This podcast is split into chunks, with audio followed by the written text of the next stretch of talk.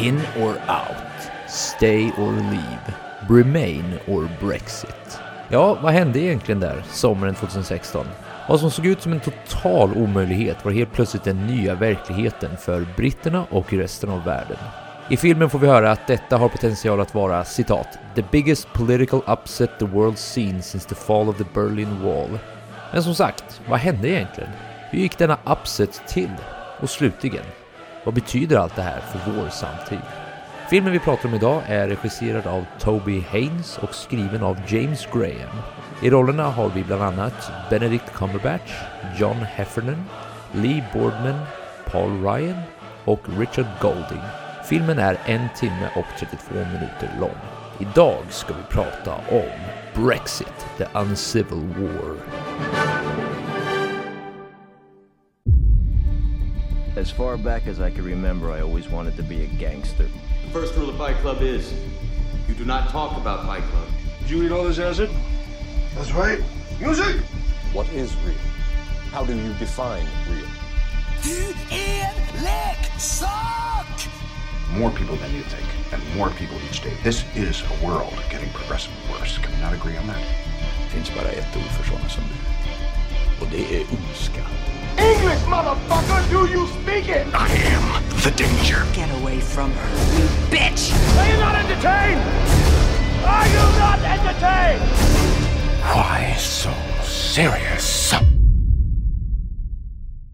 Hej allihopa och välkomna till ett nytt avsnitt av Spoiler alert! Jajamän, nu är vi här igen. Joel Keskitalo heter jag och personen ni hörde i bakgrunden heter så mycket som... Benjamin Gabrielsson. Son... Ah. Jag gillar det där. Ja, det var något nytt. Det var något nytt. Ja, men det är kul. Vi är innovativa här på podden. Vi, vi mixar till det ibland lite så Ja, att det inte blir stagnerat så att säga. Lika bra. Alright.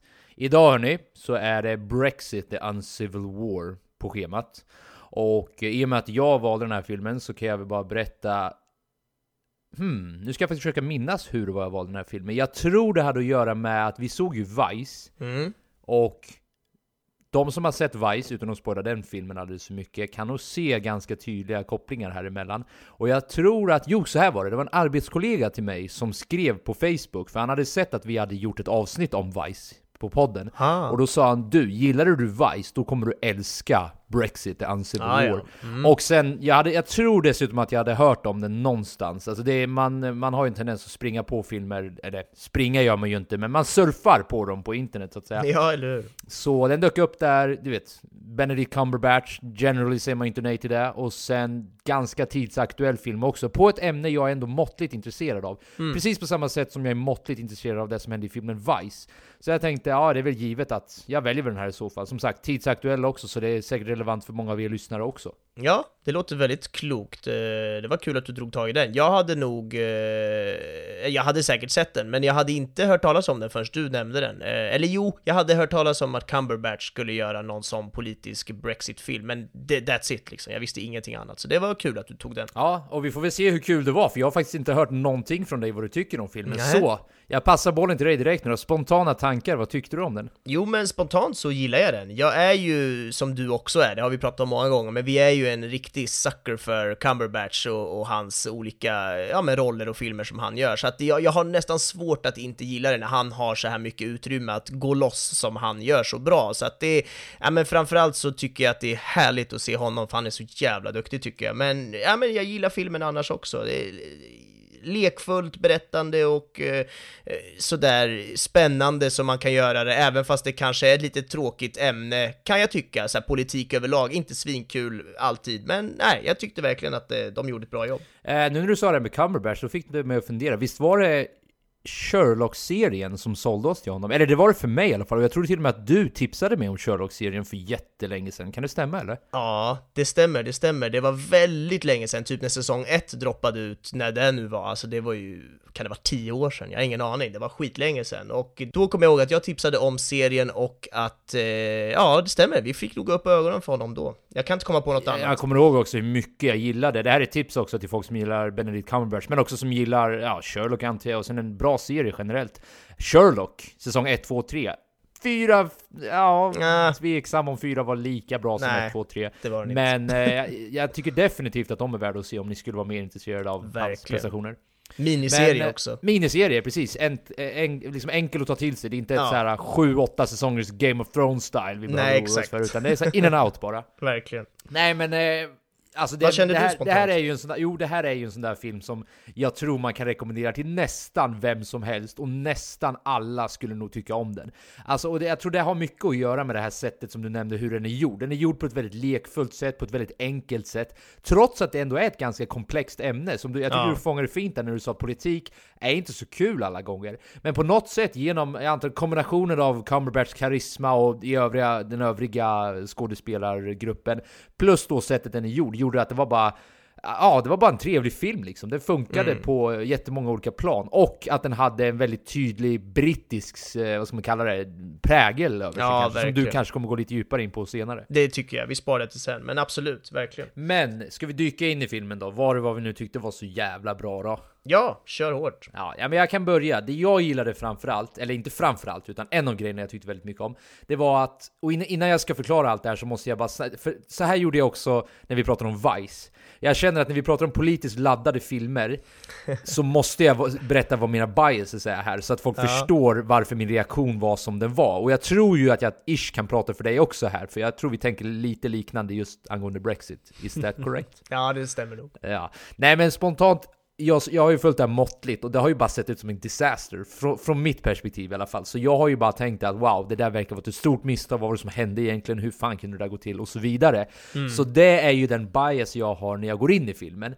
Så när man då får följa Benedict Cumberbatch och hans team där, då blir det ju o, det blir nästan omöjligt att inte hålla på dem. I och med att det är ju en sån underdog story, du vet, de ska ställa till med the biggest political upset in, eh, in history och allt det där. Ja. Och det här tycker jag summeras upp väldigt bra i den där slutscenen. Som by the way, spoiler alert till dig här nu, också är min favoritscen. Men scenen då de firar att det gick igenom i slutet. Ja. Det, för där, där och då, när jag, när jag ser den scenen, då har jag så himla... Ja, Jag tror, jag tror att cognitive dissonance, ändå det här med att man har två motstridiga tankar, ändå fångar det ganska bra. För jag har hållit på de här under hela filmen alltså. Jag, jag vill ju att de här ska vinna. Men någonstans kommer ju verkligheten ikapp mig då att jag tycker ju inte alls Brexit var en bra grej. Men ändå sitter jag här och är glad för att de vann i och med att filmen har porträtterat det på det sättet. Så vad tycker du om det? Hur känner du inför den här grejen? Alltså, för, för det var en fascinerande grej tyckte jag, att de kunde få med mig på den här resan. Trots att jag egentligen inte höll med om vad som hände där. Ja, precis. Nej, men jag, jag är helt inne på samma spår. Jag, jag... eh, Men det blir ju sådär, alltså Cumberbatch är ju på något sätt eh, absolut protagonisten här utifrån filmens sätt att måla upp honom på. Han är liksom underdogen som ska försöka komma med det här nya smarta tänket med, med teknologi på ett helt annat sätt än vad man tänkt innan inom det politiska spelet och, och att han liksom, ja, man följer honom och, och jag gillar Cumberbatchen innan som vi har tjatat om redan och det, hela den biten gör ju att jag oundvikligen kommer att heja på honom och tycka att det, att det är nice när det går bra för det han gör i filmen. Men, precis som du är inne på, jag tycker nog inte alls att Brexit är en bra idé och jag Ja, nej, det känns bara konstigt när jag i slutet sitter och känner ja, de gjorde det och så bara nej, just det, det är ju det där jag inte vill att de skulle göra. Men ja, jag vet inte var jag landar till slut i allt det här, men det, det, jag vet att filmen har fått ganska mycket kritik för just det här, att de på något sätt eh, ja, har en ganska ofin balans på det sättet att man nästan gillar resultatet som egentligen är det kanske som många verkar tycka är ganska dåligt också, det här med Brexit. Så att det,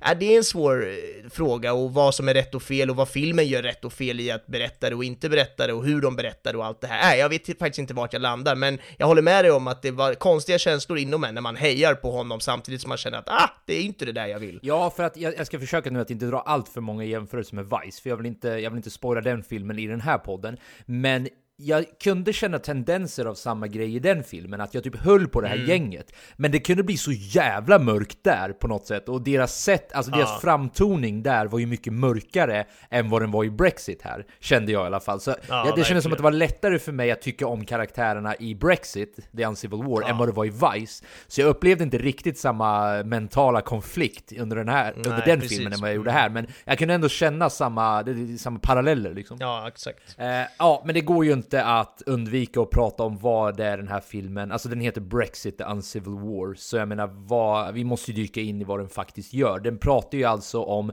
alltså det jag gillar vad den här gör, det är att den tar Säg vad man vill om kritiken hit och dit, och vi kommer, jag, jag tänkte prata lite mer om det senare. Mm. Men det jag tycker är intressant är att den tar verkligen tempen på det rådande politiska klimatet vi lever i idag. Alltså vi får se det... Ja, inte bara i Storbritannien eller, eller hur? Nej, precis, utan liksom världen generellt. Speciellt i västvärlden skulle jag tro. Eller det är åtminstone västvärlden jag känner mig bekväm att uttala mig i Ja. och med att jag, är, jag lever i västvärlden. Eh, men här, den här känslan av maktlöshet inför en väldigt osäker framtid. Och då tänker jag så här, det här är faktiskt ett ämne jag har rört på, inte i podden, men jag har tänkt på det här lite tidigare. För det är många, när jag läste sociologi så var det många sociologer där, som vi fick läsa om alltså, som pratade väldigt mycket om vad den här postmoderna tiden gör med människan. Och eh, jag ska inte gå allt för djupt in på det, jag skulle inte kunna göra det ens om jag försökte. Men jag tycker de fångar något intressant där i form av den meningslöshet som människor känner. Och den här, ja, men den här eh, förlusten av kontroll. Och det är ju det som är det centrala budskapet i den här Brexit-kampanjen som Benedict Cumberbatchs karaktär Cummings då, då eh, driver. Jag tror att slogan till och med är 'Take back control', är det inte verkligen så tydligt? Jo, exakt. Ja, så, så det, och det tycker jag är spot on, ärligt talat. För jag känner till och med den här känslan av maktlöshet. Alltså inte på ett djupare plan. Jag känner ändå att mitt liv, jag är väldigt, jag har mina vänner, jag har min familj vid liv. Jag försöker se det jag har liksom.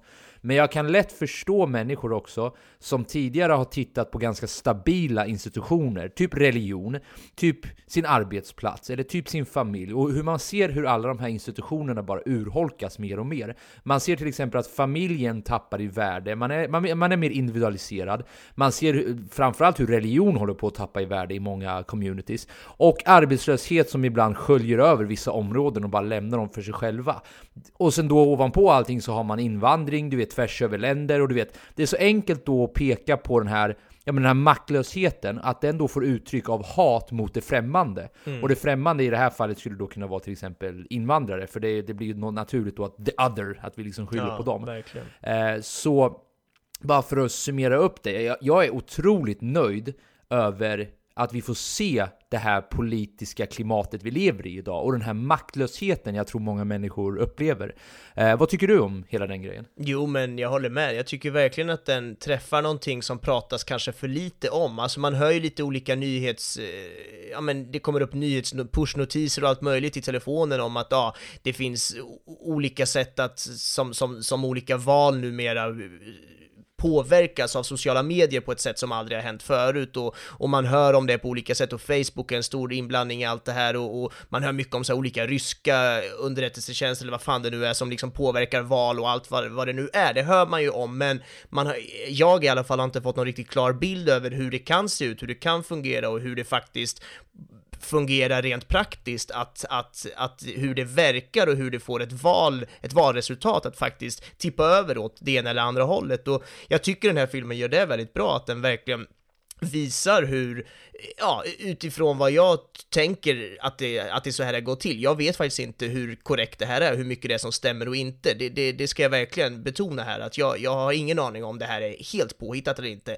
Jag får en känsla av att ganska mycket stämmer, precis som i Vice-filmen så känns det som att de ändå vet vad de snackar om och det känns som att de ändå gör ett, ett, ett, ett sanningsenligt eh, porträtterande av det situationen som råder. Och jag, jag, tänker att det i så fall, om det nu, jag utgår från att det här nu är sant då, stora delar av det i alla fall, så, så känns det som att jag tycker de gör ett väldigt bra jobb att få mig att förstå lite mer hur det kan gå till och att det är så här det troligtvis kommer gå till i framtiden när vi har val, för vi kan inte längre tänka att nej, men, men, men internet och, och liksom hela den här digitaliserande världen vi nu mer och mer kommer in i, att den liksom inte har någon påverkan. De här, jag generaliserar nu, men de här äldre gubbarna i kostymer som det ofta är, som sitter och styr olika länder, olika politiska partier och liknande, att de ska sitta här och bara nej, men vi har alltid gjort så här och det är så här det funkar. Ja, men det är liksom inte så det funkar längre, utan nu kommer det här nya sättet och det är dags för oss människor att, vare sig vi vill eller inte, ta in det och verkligen inse att det är så här det kommer gå till nu och, och ja, som jag sa, vare sig man vill eller inte så, så är det så här det fungerar och vi måste ta ställning till och försöka göra någonting åt det eller embrace it eller vad fan man nu vill göra. Men ja, jag tycker i alla fall att det var väldigt intressant att få se det här eh, på det här sättet helt enkelt. Jag tycker allting du sa nu går att summera upp med linen Craig Oliver säger till, alltså Craig Oliver är ju då förkämpe för Remain-kampanjen och Just han är det. ju Dominic Cummings stora rival. Ja. Men det han säger till honom när de sitter och tar en öl där i slutet, lite klyschigt och jag tror absolut inte att det där hände, men det är kul ändå, alltså jag köper det 100%. Men då, då har han ju en line där han säger This is the new politics now. Mm. Bara så du vet vad du har gjort här. Alltså, du, det, det, det går inte liksom att stoppa tillbaka det här i lådan efter att du väl har släppt ut det. Och jag menar, jag tycker det, det du sa är spot on. För vi har en annan scen också med precis det här du säger när Eh, han när Dominic Cummings då, då Mm. eh, Benedict Cumberbatchs karaktär, eh, konfronterar slash konfronteras av de här äldre. Då de pratar om att de är ju helt out of touch. Eh, are you gonna check this, uh, this face? Are you talking about this Facebook thing? Ja. Och han bara, uh, yeah. Eh, För han, Dominic Cummings, har ju fattat vart rösterna egentligen finns. Eller han har delvis fattat det. Han förstår ju på riktigt sen när den här programmeraren eh, Matthew Elliott, tror jag han heter? Ja, Han, han som är ansvarig för hela det här data, mine, da, data mining-företaget och så vidare. Men han har ju förstått att den här gammeldagsa politiken där man knackar dörr och delar ut flyers, alltså den är ju tillämpbar till en viss målgrupp, sure, men det är ju inte där den politiska arenan existerar på riktigt nu. Och jag tror att till stor del tror jag ingen riktigt var redo för hur fort det här skulle gå. Nej. För vi har ju dels har vi ju fått sett Brexit då, vilket var en chock för alla, men vi har ju across the Atlantic har vi ju en president som skulle kunna starta krig genom Twitter om man vill. Alltså Ja. det är den världen vi lever i idag. Och så, där, så här, jag kan, inte, min- jag kan inte minnas att det var så här för ett par år sedan, det har gått så otroligt fort det här. ja verkligen. Och eh, det skulle faktiskt, det segwayar in till den sista punkten jag hade tänkt lyfta som jag tycker Ja. är väldigt bra. Har du något mer du vill nämna om just det här? Eller Nej men absolut, kör på. Eh, nej men för det är ju hela grejen med artificial intelligence och eh, liksom vad IT-utvecklingen leder oss generellt. Och Mm. du och jag Benjamin, vi har ju haft den här diskussionen tidigare och du har ju pratat om att det, är så många som är skeptiska till att AI, du vet, de har bilden av att det är några superrobotar alla alla, vad heter de, alla, vad heter de? Terminator till exempel. Mm. Folk har bilden av att det är Terminator-robotar man pratar om när, eh, när man pratar om artificiell intelligens. Ja. Och det är så jävla då, alltså jag vet inte om det här är science fiction-filmernas fel, att de har liksom vaggat in oss i någon sorts vanföreställning att det är det här vi borde vara oroliga för. Delvis, men det beror säkert också mycket på okunskap tänker jag. Absolut, 100%. Och jag, jag vill dock, alltså, det, det är bra att du slängde in det där, för jag vill också betona att jag klandrar ingen för någonting. Det är naturligt att man har, alltså, alla, man kan inte vara insatt i allting liksom. Nej. Men det jag tycker den här belyser ändå är det riktiga problemet med, vi, vi behöver inte ens kalla det artificiell intelligens om vi inte vill. Vi kan scratcha den labeln om den är förladdad med andra föreställningar. Vi kan bara prata om vad IT-utvecklingen gör med vårt samhälle och hur fort det förändrar vårt samhälle. Titta bara på den här filmen så får ni se. Och också, alltså så här. Jag har, jag har researchat inom citationstecken eh, lite om den här filmen och mycket av det här, alltså det är ju inte bullshit det här. Alltså visst, det är klart att de har dragit lite långa svängar och du vet Ja, överdrivet ska på vissa platser. film, men det liksom. här är Ja. essentially vad som hände. Cambridge Analytica är ju ett existerande företag som är under rätt, jag tror de till och med nu är fortfarande under rättegångsprocesser Mm. för sättet de har hanterat de här grejerna, eller liksom påverkat de här grejerna. Så det här är ett riktigt existerande ja, problem eller möjlighet beroende på vilket perspektiv du ser det på. Men problemet jag ser med allt det här är att folk är så jävla omedvetna om det. Inklusive du och jag, alltså vi har ingen aning om hur pass mycket det här faktiskt påverkar oss. För jag menar, bara sådana saker som omedveten marknadsföring, det vill säga att du programmerar in vissa cues på din hemsida som gör att du är mer benägen. Alltså, de hackar ju våra undermedvetna neurochemistry, om jag nu ska dra ut det riktigt hårt. Och som sagt, all heder till den här filmen som lyfter upp det här, men jag vill gå den linen du precis sa. Det här tror jag behöver dyka upp mer i vardagsdiskussioner, för är vi, Benjamin, är vi redo för vad som komma skall efter att ha blivit blindsided av Donald Trump och Brexit under samma år? Nej men precis, jag tror absolut inte det. Jag tror inte folk, än idag efter att det här har hänt så är det, det var lite det jag var inne på förut, att man har fått någon pushnotis här och där, oj det kanske finns någon ryss någonstans, tänker folk som sitter i en källare och, och påverkar valet och det där är nog inte sant, eller så är det sant, men det känns ändå så jävla främmande och långt bort, speciellt när man hela tiden blandar in Ryssland på något sätt. Det, det må vara sant eller inte, men det handlar inte riktigt om det, det handlar om att det här pågår nu i nästan alla alla moderna val som vi gör nu för tiden så är det här det nya sättet att göra eh, valkampanjer på, vare sig vi vill eller inte. Man använder sociala medier. Vi, och då menar jag vi män, människor, mänskligheten, viker ut oss något enormt på internet, vare sig vi vill eller inte i, i princip. Vi, vi, vi, vi tänker knappt på det, men vi lägger ut någon bild, vi lägger ut någon kommentar, vi berättar för internet vad vi tycker om och inte tycker om och hur vi väljer att se på saker och ting i livet. Och den informationen finns att hämta. Det är jätteenkelt för företag att hämta den här informationen. Det är så vi till exempel får eh, reklam som är direkt anpassad för vad jag tycker om för produkter. Det är inte en slump att det kommer upp produkter som jag faktiskt tycker om när jag ser reklam på Facebook till exempel. Och det här är, som vi är inne på, det är så här det ser ut. Deal with it. Och eh, ja, jag vet inte var jag skulle landa i allt det här, men det är verkligen, man blir själv chockad nästan att, att det kom så plötsligt. Men jag tänker heller inte att det är egentligen inte den här, vad är det han heter, Cummings? Eh, Ja, precis. som Dominic handlar om. Cummings. Precis, Dominic Cummings. Jag tänker heller inte att det på något sätt är hans fel. Det är klart att det är hans fel, för det är han som kanske tog, tog tag i det här, men det är oundvikligt. Det, det hade, någon annan hade gjort det om inte han hade gjort det. Det kommer komma ändå. Det händer väl i USA när det kommer till Trump-situationen, det kommer hända i Sverige säkerligen också om det inte redan har gjort det. Och jag bara menar att th- this is it. Det här är digitaliseringens eh, baksida om man nu vill se det på det. Det finns fördelar med det också säkert. Jag vet egentligen för lite om det för att ens uttrycka mig, men summa summarum så menar jag egentligen bara att det är det här som händer. Let's face it and deal with it istället för att sitta och neka det. Ja, men det, jag tycker att du sätter ännu en så, eh, finger på en viktig sak där också, och det är att betona att det här går inte, det går inte att lasta en enskild individ för allt det här. Det här är en naturlig konsekvens, tror jag, av våran konstanta utveckling. För vi vill hela tiden automatisera saker, vi vill förbättra våra liv, vi vill göra saker enklare, och då blir det en rimlig konsekvens av att låta algoritmerna till slut, det vill säga, ja, lite förenklat då program, program och information insamlat Ja. om oss, att låta de programmen visa oss vad vi vill ha. Till slut, alltså, det finns en författare som heter Yuval Noah Harari. Han har skrivit Sapiens, det är säkert många av våra lyssnare som har hört talas om den. Ja. Eh, och Homo Deus och jag tror han har 21 lessons for the 21st century. Något sånt där. Han har ju en linje där han hela tiden pratar om Lyssna, de här algoritmerna Eller de här programmen eller hur du nu vill prata om det De behöver inte känna dig till 100% För det är omöjligt. Du är, alltså människor är så komplicerade så det går inte. De behöver bara känna dig bättre än vad du själv känner dig själv. Och det är inte så, Det är för vi är lätt. otroligt... Det är ganska enkelt, Ja. för vi är otroligt påverkade av olika sorters biases. Vi är otroligt omedvetna om hur vi egentligen fungerar. Vi har en ganska ytlig bild över oss människor. Mm. Så, och vi lever i den eran just nu där allt det här kommer liksom, liksom framställas. Ja. Och det behöver inte Jag vill inte heller att folk som lyssnar på det här ska ta ifrån sig att allt är pest och pina.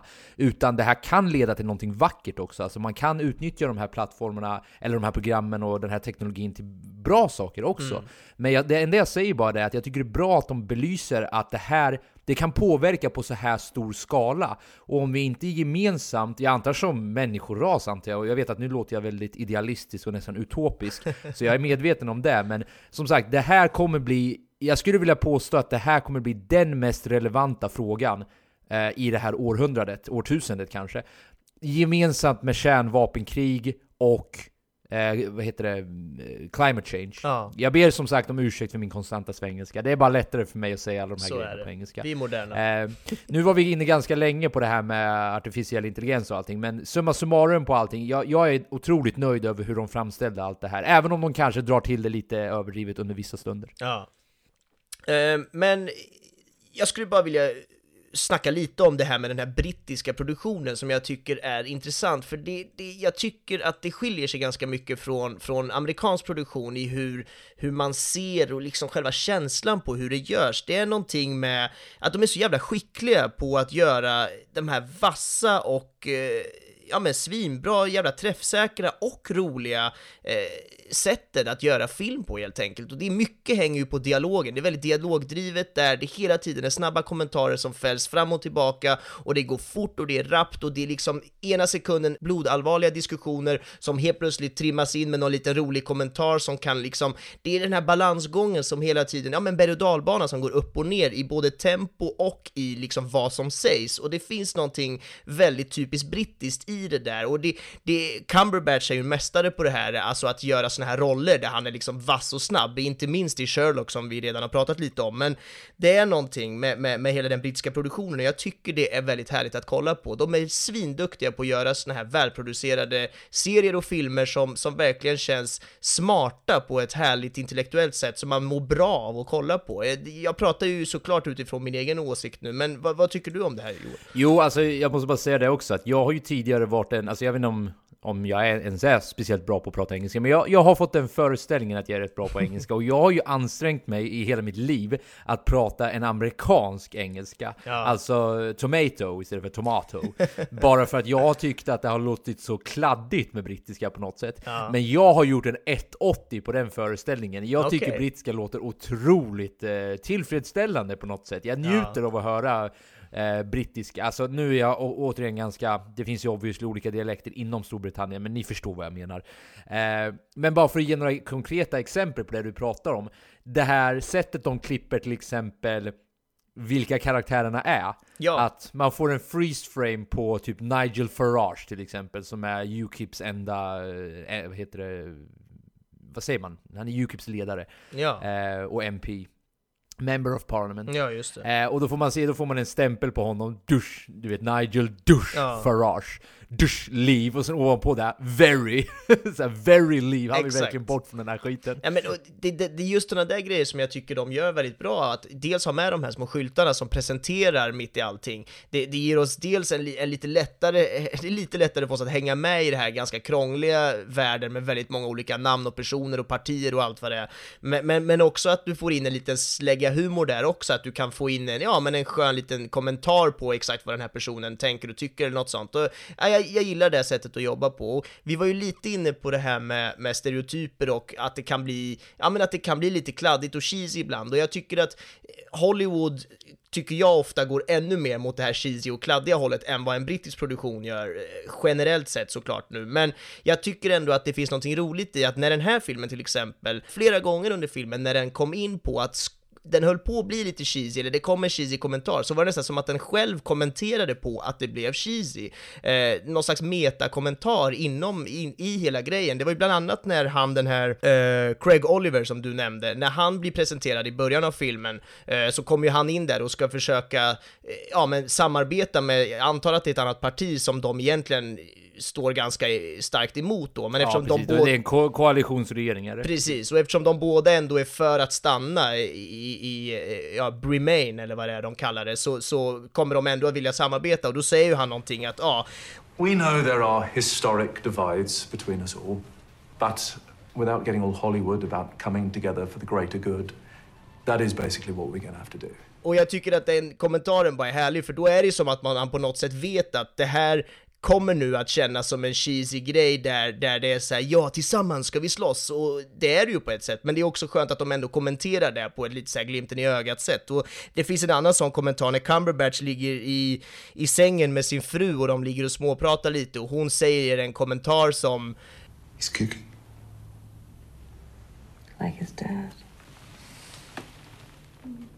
That was corny igen, du vet, så här, kommenterar på ett metaplan att nu gick vi, nu tog vi det nästan lite för långt. Så jag, jag kan tycka att det är en härlig, ett härligt sätt att jobba på, där du till och med vet om och kommenterar att du själv är lite cheesy. Och nu pratar jag du-form, som den här filmen är en entitet, men absolut, det kan vi göra den här gången. Ja, nej, men en, en sorts självmedvetenhet som gör att det då inte blir cheesy. Att, Exakt. Alltså, som du säger, när, när man konstaterar att det är cheesy, då blir det på något sätt inte cheesy längre, för då har man, då har man gjort en grej av det Ja, men istället. precis, man safear sig lite. Eh, jag skulle bara vilja flika in en grej som inte har så mycket att göra med just själva den här grejen, men det du sa innan det här mm. med när de pratade om att eh, ja, när han, eh, Craig Oliver, han säger att ja, inte för att vara Hollywood och allt det där. Ja. Men det är otroligt snyggt klipp precis innan där, för först får man ju då se Dominic Cummings som sitter och bara du vet, han pratar om eh, Craig Oliver, han, han drar någon sån där bara när han ska ja. presentera allihopa. Och då, då klipper de ju emellan hela tiden, alla de han presenterar.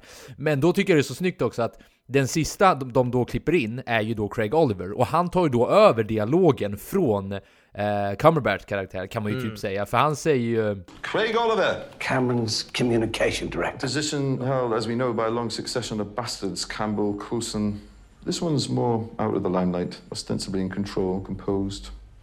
He's furiously loyal to his boss, and I can tell you that we uh, Well, we have a little history. Dominic Cummings is basically mental. We had to all but ban him from number 10. He's desperate to be seen as this visionary architect of a new world order, but actually, he's just an egotist with a wrecking ball. It does, however, mean that he's. Well, he's unpredictable. I know how to beat Oliver. Eh, så jag vet inte om det hade så mycket att göra med själva självmedvetenheten, men jag tyckte jag, jag kom bara på, jag kom att tänka på den scenen och det sättet att klippa när du pratade om just den scenen. Ja, verkligen, och det där är egentligen en annan punkt jag tänkte komma till just när det gäller berättarstilen som den här filmen har, och det är ju det här hur de jobbar med att klippa. Jag kommer absolut komma in i själva klippteknikerna mer på det tekniska, men just att de jobbar med att klippa emellan olika situationer som på något sätt samarbetar i berättandet. Det vill säga till exempel i presentationerna som, som Cumberbatchs karaktär Cummings, när han sitter och pr pratar om de här som sitter on the other side of the river, som han säger, och de sitter där och håller på att planera sitt möte, då sitter, ju, då, då sitter ju de liksom och har någon slags briefing med sina egna medlemmar och berättar vad deras agenda är. Och så korsklipps det mellan då Cumberbatch eh, gäng när han sitter och förklarar sin agenda och så blir ju det på något sätt att de vägs ihop och hela berättandet blir tillsammans och ibland så till och med avslutar de varandras meningar fast de egentligen menar helt olika saker. Men det funkar för att det är ett smart sätt som de har klippt ihop det på med dialogen och eh, ja, och hela klippningen på det sättet. Och det, det hjälper till så jävla mycket i det här berättandet att få fart på det, att få det att bli intressant, att istället för att vi bara ska sitta med på ett tråkigt möte och få höra en sida och sen ska vi sitta på ett annat möte och föra den, så bara bollar man emellan det på det här lite vassa och, och smarta och, och flängiga sättet på, som, ja, som jag tycker blir väldigt, väldigt bra. Eh, som ett avslutande på själva filmdelen innan vi går över till det tekniska så hade jag tänkt att lyfta lite, vi nämnde det lite i början, men den här kritiken den här filmen har fått. För jag har läst ganska många olika recensioner och jag tror jag kan summera upp kritiken, alltså det finns jättemånga olika infallsvinklar och det ska noteras att det inte är jättemycket kritik mot den här filmen, den har ganska höga betyg om man nu väljer att gå, liksom om man bryr sig om betyg hit och dit. Men jag har ändå hört lite intressant kritik som jag skulle vilja bolla med dig lite och höra vad du tycker. Mhm. För de är väldigt olika, alltså den ena, ja, du kan få höra. Så en av, kriti eh, en av kritikerna jag har hört eh, mot filmen är att den, ja men lite som du nämnde tidigare, att den presenterar Brexit-sidan i ett alltför positivt ljus för att det får det att verka, alltså som sagt, jag tycker, ja, jag ska lämna mina egna åsikter för mig själv ett tag till, Mm. men som sagt, de får det att framstå som att de är på något sätt hjältarna och att man ska hålla på dem och allt det där. Mm. Så det är en av kritikerna. En annan kritik är att de får eh, den här, eh, vad heter han, eh, Banks, jag kommer inte ihåg vad han heter i förnamn, Aaron Banks Mhm. och Nigel Farage. Vilka är det de två som, det är de UKIP-medlemmarna som är det andra partiet som också vill lämna den andra Just sidan. det. Som, de, de vill ju samarbeta med Dominic Cummings och lite mer deras- som bad guys va?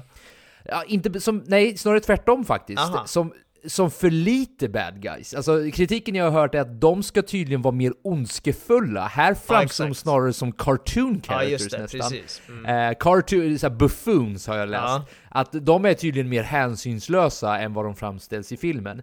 Eh, så, så där har du två stycken. En annan kritik är att att filmen får väljarna att framstå som hjälplösa redskap framför det här datasystemet. Att, att den här filmen väljer inte att lyfta de så kallade riktiga anledningarna för Brexit, det vill säga invandring, ekonomi och du vet alla de grejerna. Och att det är en ganska förenklad bild över vad det egentligen handlade om. Eh, och sen då, alltså som sagt, det finns från alla sidor här, men så ändå att Remain-sidan fick alldeles för lite utrymme för att ge en då balanserad bild av allting. Att vi fick bara följa Brexit-perspektivet. Ja. eller åtminstone framförallt Brexit-perspektivet. Så bara lite snabbt nu, off the cuff. Jag, jag skulle vilja höra vad, vad tycker du om de här? Finns det något legitimt i någon av de här olika Mm. Visst är det fascinerande då, innan du svarar, att det är, så, det är verkligen så jäkla olika infallsvinklar, och det tror jag har att göra med att den är så politisk till, till sin natur. Ja. Och politik har ju en tendens att dela upp människor, Verkligen, som vi har sett. verkligen. Och jag har ju såklart svårt att sätta mig, eftersom jag inte alls är speciellt insatt i det här så har jag svårt att veta vad, vad som är legitim kritik och inte. Det jag spontant tänker är väl att absolut kan man tycka att det, några porträtteras mindre, några porträtteras för lite, några porträtteras på fel sätt och vissa liksom borde ha gjorts det här och det här och det, finns, det, kommer ju alltid finnas klagomål och olika värderingar och, och invändningar på olika sätt och det förstår jag. Men jag tycker också att den här filmen försöker nog att belysa snarare det här med det vi var inne på, hela den här, om vi nu ska kalla det AI-grejen, men att, men att liksom att valet numera, att val och, och eh, ja men sådana här stora omröstningar kommer att påverkas av digitaliseringen på ett helt annat sätt och att det är det problemet, eh, om vi nu ser det som ett problem, vi, filmen lyfter väl det halvt som ett problem, men liksom att det är den grejen med digitaliseringen som påverkar val, att det är det som filmen lyfter snarare än att den försöker lyfta hela Brexit-grejen. Ja, Alla perspektiv, att den snarare väljer att fokusera på ja, den problematiken som du och jag efterlyser att fler borde göra kanske. Exakt, och det är det jag tänker att den här filmen försöker göra, och sen tar den ju då det här Brexit som ett exempel för att visa att det här kommer nu att ske, och det är det här som är den digitaliseringen vi kommer att få leva med, och därför tänker jag att ja, man hade kunnat gjort det här på hundra olika andra sätt, men då hade det kanske inte gått att göra en och en halv timmes film, utan då hade det kanske fått bli en tio avsnitts dokumentärserie istället på en timme per avsnitt eller något liknande, där man kan liksom fokusera på varje parti, vad alla tycker och åsikter och alla ska få lika mycket plats och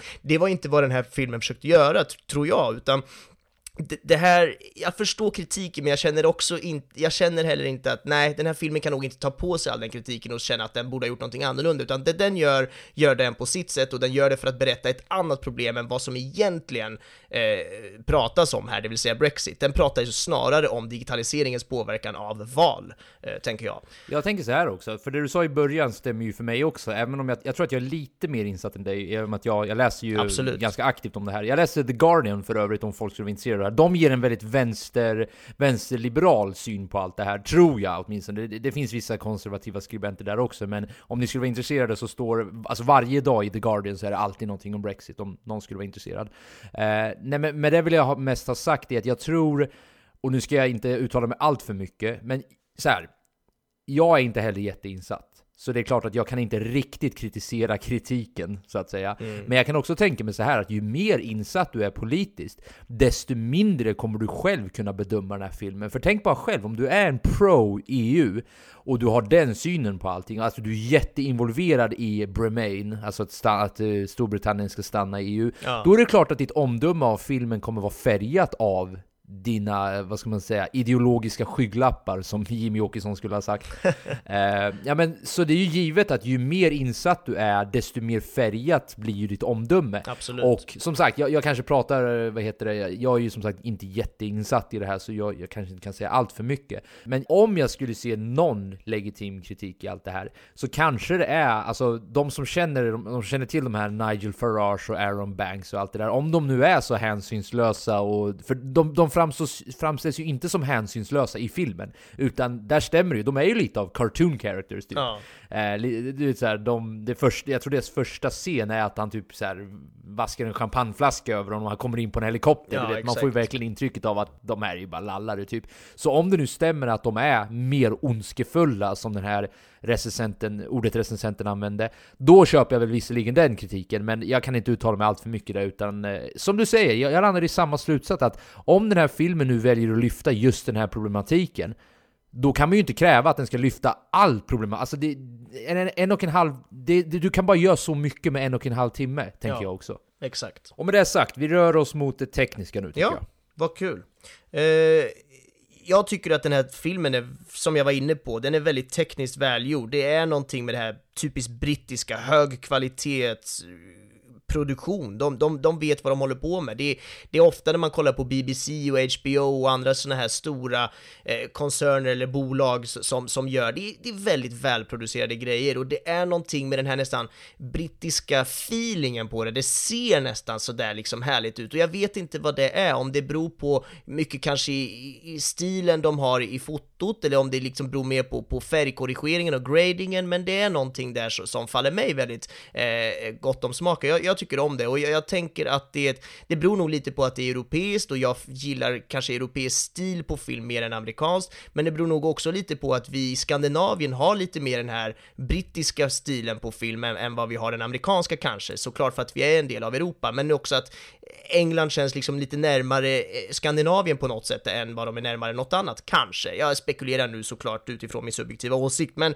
jag gillar i alla fall hur den är gjord. Och Fotot är väldigt snyggt och stilrent. Det är, det är ett blandat bildspråk med, med, med, växlande bildutsnitt, det vill säga det är både liksom ganska mycket närbilder och stora helbilder, vidbilder och halvbilder, utan de blandar väldigt mycket. Det som de väldigt, väldigt ofta jobbar med är rörlig kamera. Kameran står nästan aldrig still och det gör ju att det blir det här lite livliga, det blir spännande, det blir fart i det hela hela tiden och till och med i de bilderna som egentligen ska stå ganska stilla, det vill säga att kameran ska inte åka någonstans eller liksom liksom gå iväg någonstans, utan den står still. Till och med då så är ju kameran inte ställd på ett stativ, utan någon håller i den. Det, det är säkert en steadicam eller liknande konstruktion, så det är kanske ingen som riktigt fysiskt har kameran på sin axel, men eh, det jag menar i alla fall är att det blir hela tiden lite så här skakig bild, vilket gör att du får det här tempot, du får den här känslan av att det händer någonting, det blir spännande och det tycker jag de gör väldigt, väldigt bra och jobbar på det här sättet, för det, ja, det gör att filmen blir roligare och mer intressant att titta på när det ändå, som vi var inne på, är lite halvtråkig politik som det ibland kan bli liksom. Så att, nej, smart sätt att jobba på, jag tyckte det var väldigt bra. Det är gemensamt med allt det där, eh, och jag tror jag nämnde det här i en annan podd också, jag kommer inte ihåg vilken det var, men musiken de har gjort i det här bygger ju också upp mycket av det här smarta eh, ihopklippandet vi pratade lite om förut. Det här med att man hoppar mellan olika karaktärer, man stämplar dem och liknande. Det, det, det känns, om det finns ett uttryck för humoristisk musik, så tyckte jag att det var väldigt mycket sånt här. Att det är ganska snabba, du vet, snabba, nästan ambient-liknande uppbyggnader.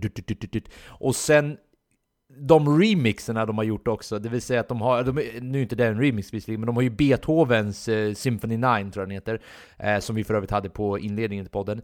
Eh, och sen remixen då också av Rule Britannia när, eh, när då Brexit-kampanjen har vunnit. Eh, jag vet inte, det, det, bygger också på det här humoristiska bildspelet som du pratade lite om. Ja, verkligen, exakt. Och det är alla de här poängerna tänkte jag precis komma till. Det är verkligen hur de jobbar med nästan någon slags ironi i musikläggningen. Att, att det är, det är ju det här väldigt många så klassiska stycken, du nämner Beethoven nu och det är så här Vivaldi och allt möjligt där de verkligen jobbar med stora, pompösa, klassiska stycken som kontrasterar egentligen till det ganska moderna och lite så digitala eran vi ändå får titta på och ta en del av.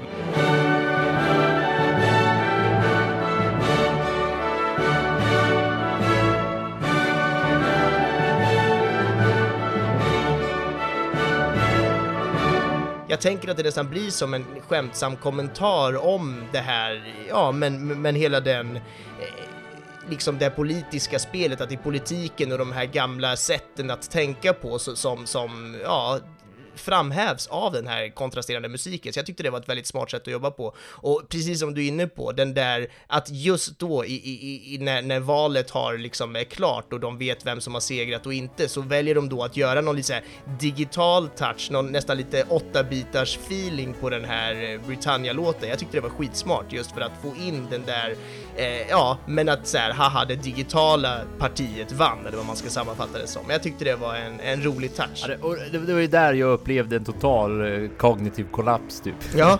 Nej då, inte på riktigt, men just allt det där, just att jag har hållit på de här hela filmen. Men i grund och botten tror jag ju att det där inte var bra. Och att då få den där musiken som nästan lite retsamt i bakgrunden bara...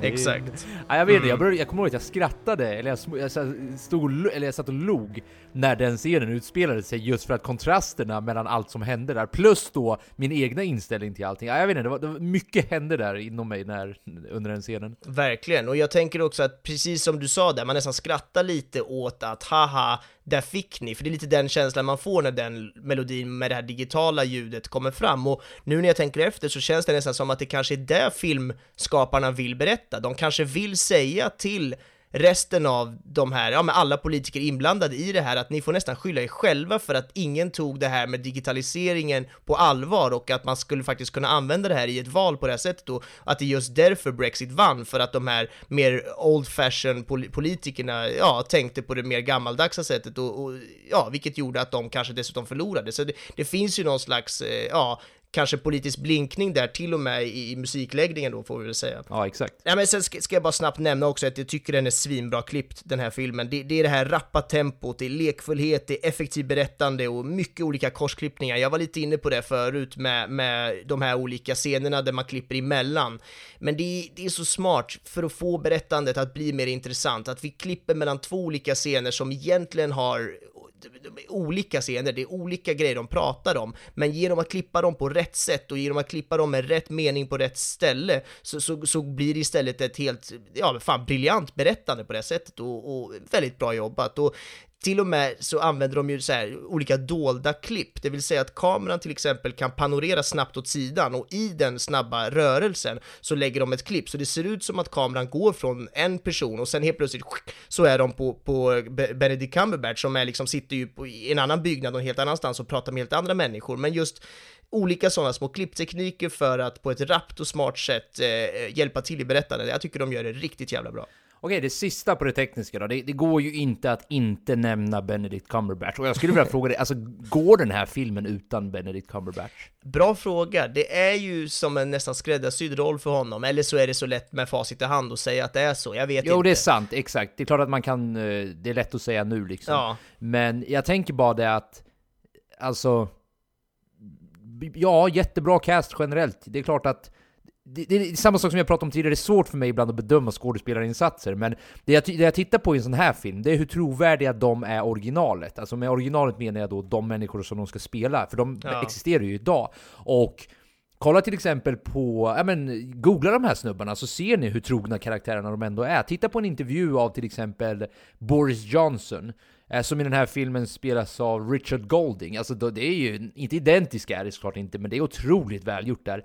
Men bara för att dra tillbaka det till Cumberbatch, jag hade ju tänkt att fråga dig också, det här är ju en typisk Benedict Cumberbatch-roll. Det här är lite som att säga, du vet, Robert Downey Jr, han är Tony Stark. Hänger du med? Han är den där rollen med det här laget. Ja. Benedict Cumberbatch är ju den där karaktären. Och jag skulle vilja fråga dig, är det en bra grej alla gånger? Alltså, för det får mig ju tänka, och jag, jag, ska verkligen säga hur mycket jag gillar Benedict Cumberbatch. Jag gillar han i allting jag har sett. Men han tenderar ju att spela just den här sortens roll. Eller kommer du på exempel då han radikalt avviker från just den här rollen?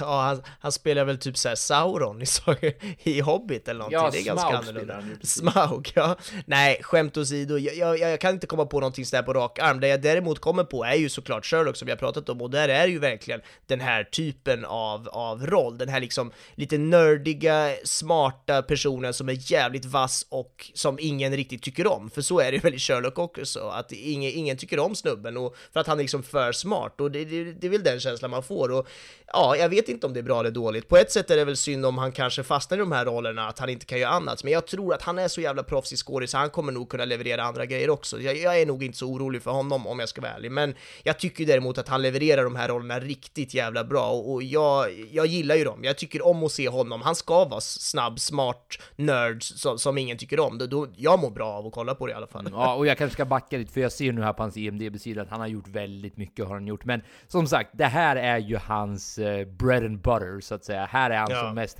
åtminstone i mitt perspektiv av honom. Uh, och det här, jag vet inte om det här var en hyllning eller någon sorts minikritik mot honom, och jag vill verkligen, be verkligen betona hur mycket jag tyckte om han i den här filmen. Och det går inte att inte tycka om han i den här filmen, låt oss vara ärliga här. Alltså det, han, han tar den här filmen och han springer iväg med den, det är så enkelt är det. Absolut. Men jag skulle också vilja lyfta upp eh, Craig Oliver, som jag har tyckt väldigt mycket om. Och jag, kommer du ihåg vart du, eller jag vet inte om du har sett honom tidigare, men jag såg ju honom för första gången, eller då jag liksom noterade honom i ett Black Mirror-avsnitt. Ah. Eh, kommer du ihåg vilket avsnitt han är med i? Jag måste bara komma ihåg, vem är Craig Oliver nu igen? Craig Oliver är ju den uh, Remain, uh, han, han, som vill vara kvar i EU och som är hans uh, Benedict Cumberbatch karaktär stora ja, men antagonister. Om just det, just det. Jo, men kan det vara han som är typ, han kanske till och med är med i flera avsnitt nu. Men kan det vara att han är med i första avsnittet? Är det han som knullar grisen? Nej, Nej exakt. Det, är stämmer. det? Ja. Det är han som knullar grisen. Och nu blev det en liten spoiler alert på första Black Mirror-avsnittet där kanske. Men ah, ja, det, det är, är den jäkeln. Och han har ju såklart varit med i mycket annat också. Men jag, jag konstaterade det så fort jag såg när han kom in där. Bara, ah, det är ju du för fan! Ja. och jag tyckte han också var jättebra filmen ut egentligen. Ja, absolut. Jag håller med. Okej, okay, men eh, summering då. Alltså en film, en enkel du vet, välgjord, brittiskt stämplad tv-film som tar tempen på en väldigt politidigitaliserad. ja, häng med på det ordet. Politidig politidigitaliserad. Vad jag menar då alltså är den politiska verkligheten och den digitala verkligheten. Mm. Att den då tar tempen på bägge och jag tycker den belyser det på ett, ja, på ett hyfsat bra sätt ändå. Ja, Jag instämmer. Jag har två, vad ska vi säga, kandidater till favoritscen. Ah, jag, kul. sa, jag sa redan tidigare vilken jag tyckte var min favoritscen och det var just den där scenen när, du vet, när de eh, precis har fått reda på att Brexit-kampanjen vann och de ska lämna EU, bla bla Mm. bla. Men det var också, jag tyckte också väldigt mycket om scenen när de försöker kicka ut Benedict Cumberbatchs karaktär från den kampanjen och han bara We know whereof we speak, Dom. No, you don't. No, you don't. You're wrong, wrong, wrong, wrong, wrong. How much it costs and regaining control. Cost and control. Cost and control. Get See, it? this is what we have to deal with. And while I'm at it, when we gain the designation and the seven million pound spending limit, I would like to spend 3.9 million of that online. You're treating this like it's a game, Dom. Your private plaything. We have this contract for you to sign. Just look it over. No. And- but there's If you don't like the way I'm running the campaign, you can leave. Us? no, this is about you leaving. Well, I'm not, so you can go. And if you would be willing to share the strategy side with us, No, Dom. I have complete independence or nothing. Well, then you can't be on the board because the board will need to hold you to account. Fine. Then I think we need a new chair. If things are changing on the board, fresh start. Han bara genom ren karisma och gen, ren ihärdighet lyckas istället, inte nog med att han inte blir kickad, han blir dessutom chairman of the board i det ögonblicket det. genom att bara jiddra sig till det. Så den, den, den scenen förtjänar också att lyftas tycker jag, även om jag tycker fortfarande den där slutscenen är den bästa scenen. Ja, verkligen. Jag, jag håller med. Jag tycker mycket om den där board-scenen när han eh, vänder den där gamla gubben framförallt till att bli den som går ut ur rummet till slut. Ja, Jag tyckte det var eh, riktigt kul. Ja, men min favoritscen är nog, jag är precis som du, du är inne på flera olika, men jag landar i scenen som kanske är lite oväntad, men det är när han, Craig Oliver som vi var inne på, när han är, han är typ hemma hos sig själv och ska ha något viktigt telefonmöte och han har liksom bluetooth-snäckan i örat och så ska han, så har han tre små flickor som, som sitter vid bordet som han ska liksom mata samtidigt med typ ärtor och potatismos och vad fan det är.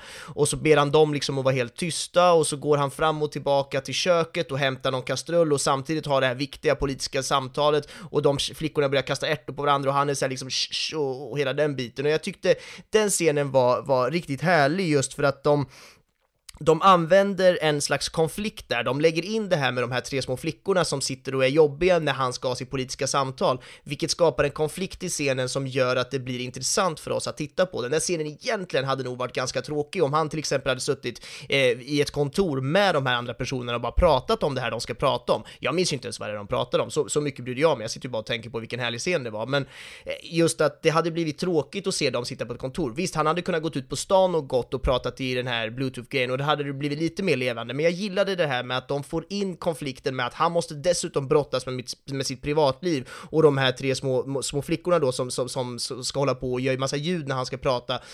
Och dessutom då, det som verkligen får mig att tycka om scenen är ju att den såklart är filmad i en enda tagning också. Att kameran liksom är på någon slags steadicam där den går fram och tillbaka mellan köksbordet och köket och följer med honom fram och tillbaka när han går och hämtar eh, nya kastruller med mat i och allt vad det är. Och äh, jag tyckte den var riktigt eh, härlig och äh, ja, lite annorlunda. Den stack ut på ett härligt sätt som jag gillade star- starkt. Men då så, då ska vi summera upp det här med lite roliga fakta innan vi berättar vilken nästa veckas film är då. Och eh, tråkigt nog finns det inte jättemycket roliga fakta här, men de som finns, eh, jag kan nämna några av dem i alla fall. Så en av dem är att trots att Benedict Cumberbatch var en Remain, eh, eh, att, att han stod alltså för att Storbritannien skulle vara kvar i EU, Mm. så gick han ändå bara med på att göra den här filmen om den skulle vara balanserad. Eller i, i, hans egna ord så vill han inte att det skulle vara en pro-EU stitch-up, det vill säga att filmen skulle inte få Ja, som sagt, det är ju lätt för de som har den politiska hållningen att tycka att Brexit var skit bara. Ja. Men han, jag gick inte med på det. Ska, ska ni ha med mig den här då måste den vara åtminstone hyfsat balanserad. Så där ser man ändå att de har ändå tänkt på de här grejerna som vi nämnde lite Ja, tidigare. Nice. Nice att han tänker på sånt. En annan rolig grej är att eh, det finns eh, referenser i den här filmen till Tinker Tailor Soldier Spy och till Avengers, eh, vilket Benedict Cumberbatch har varit med i bägge av dem.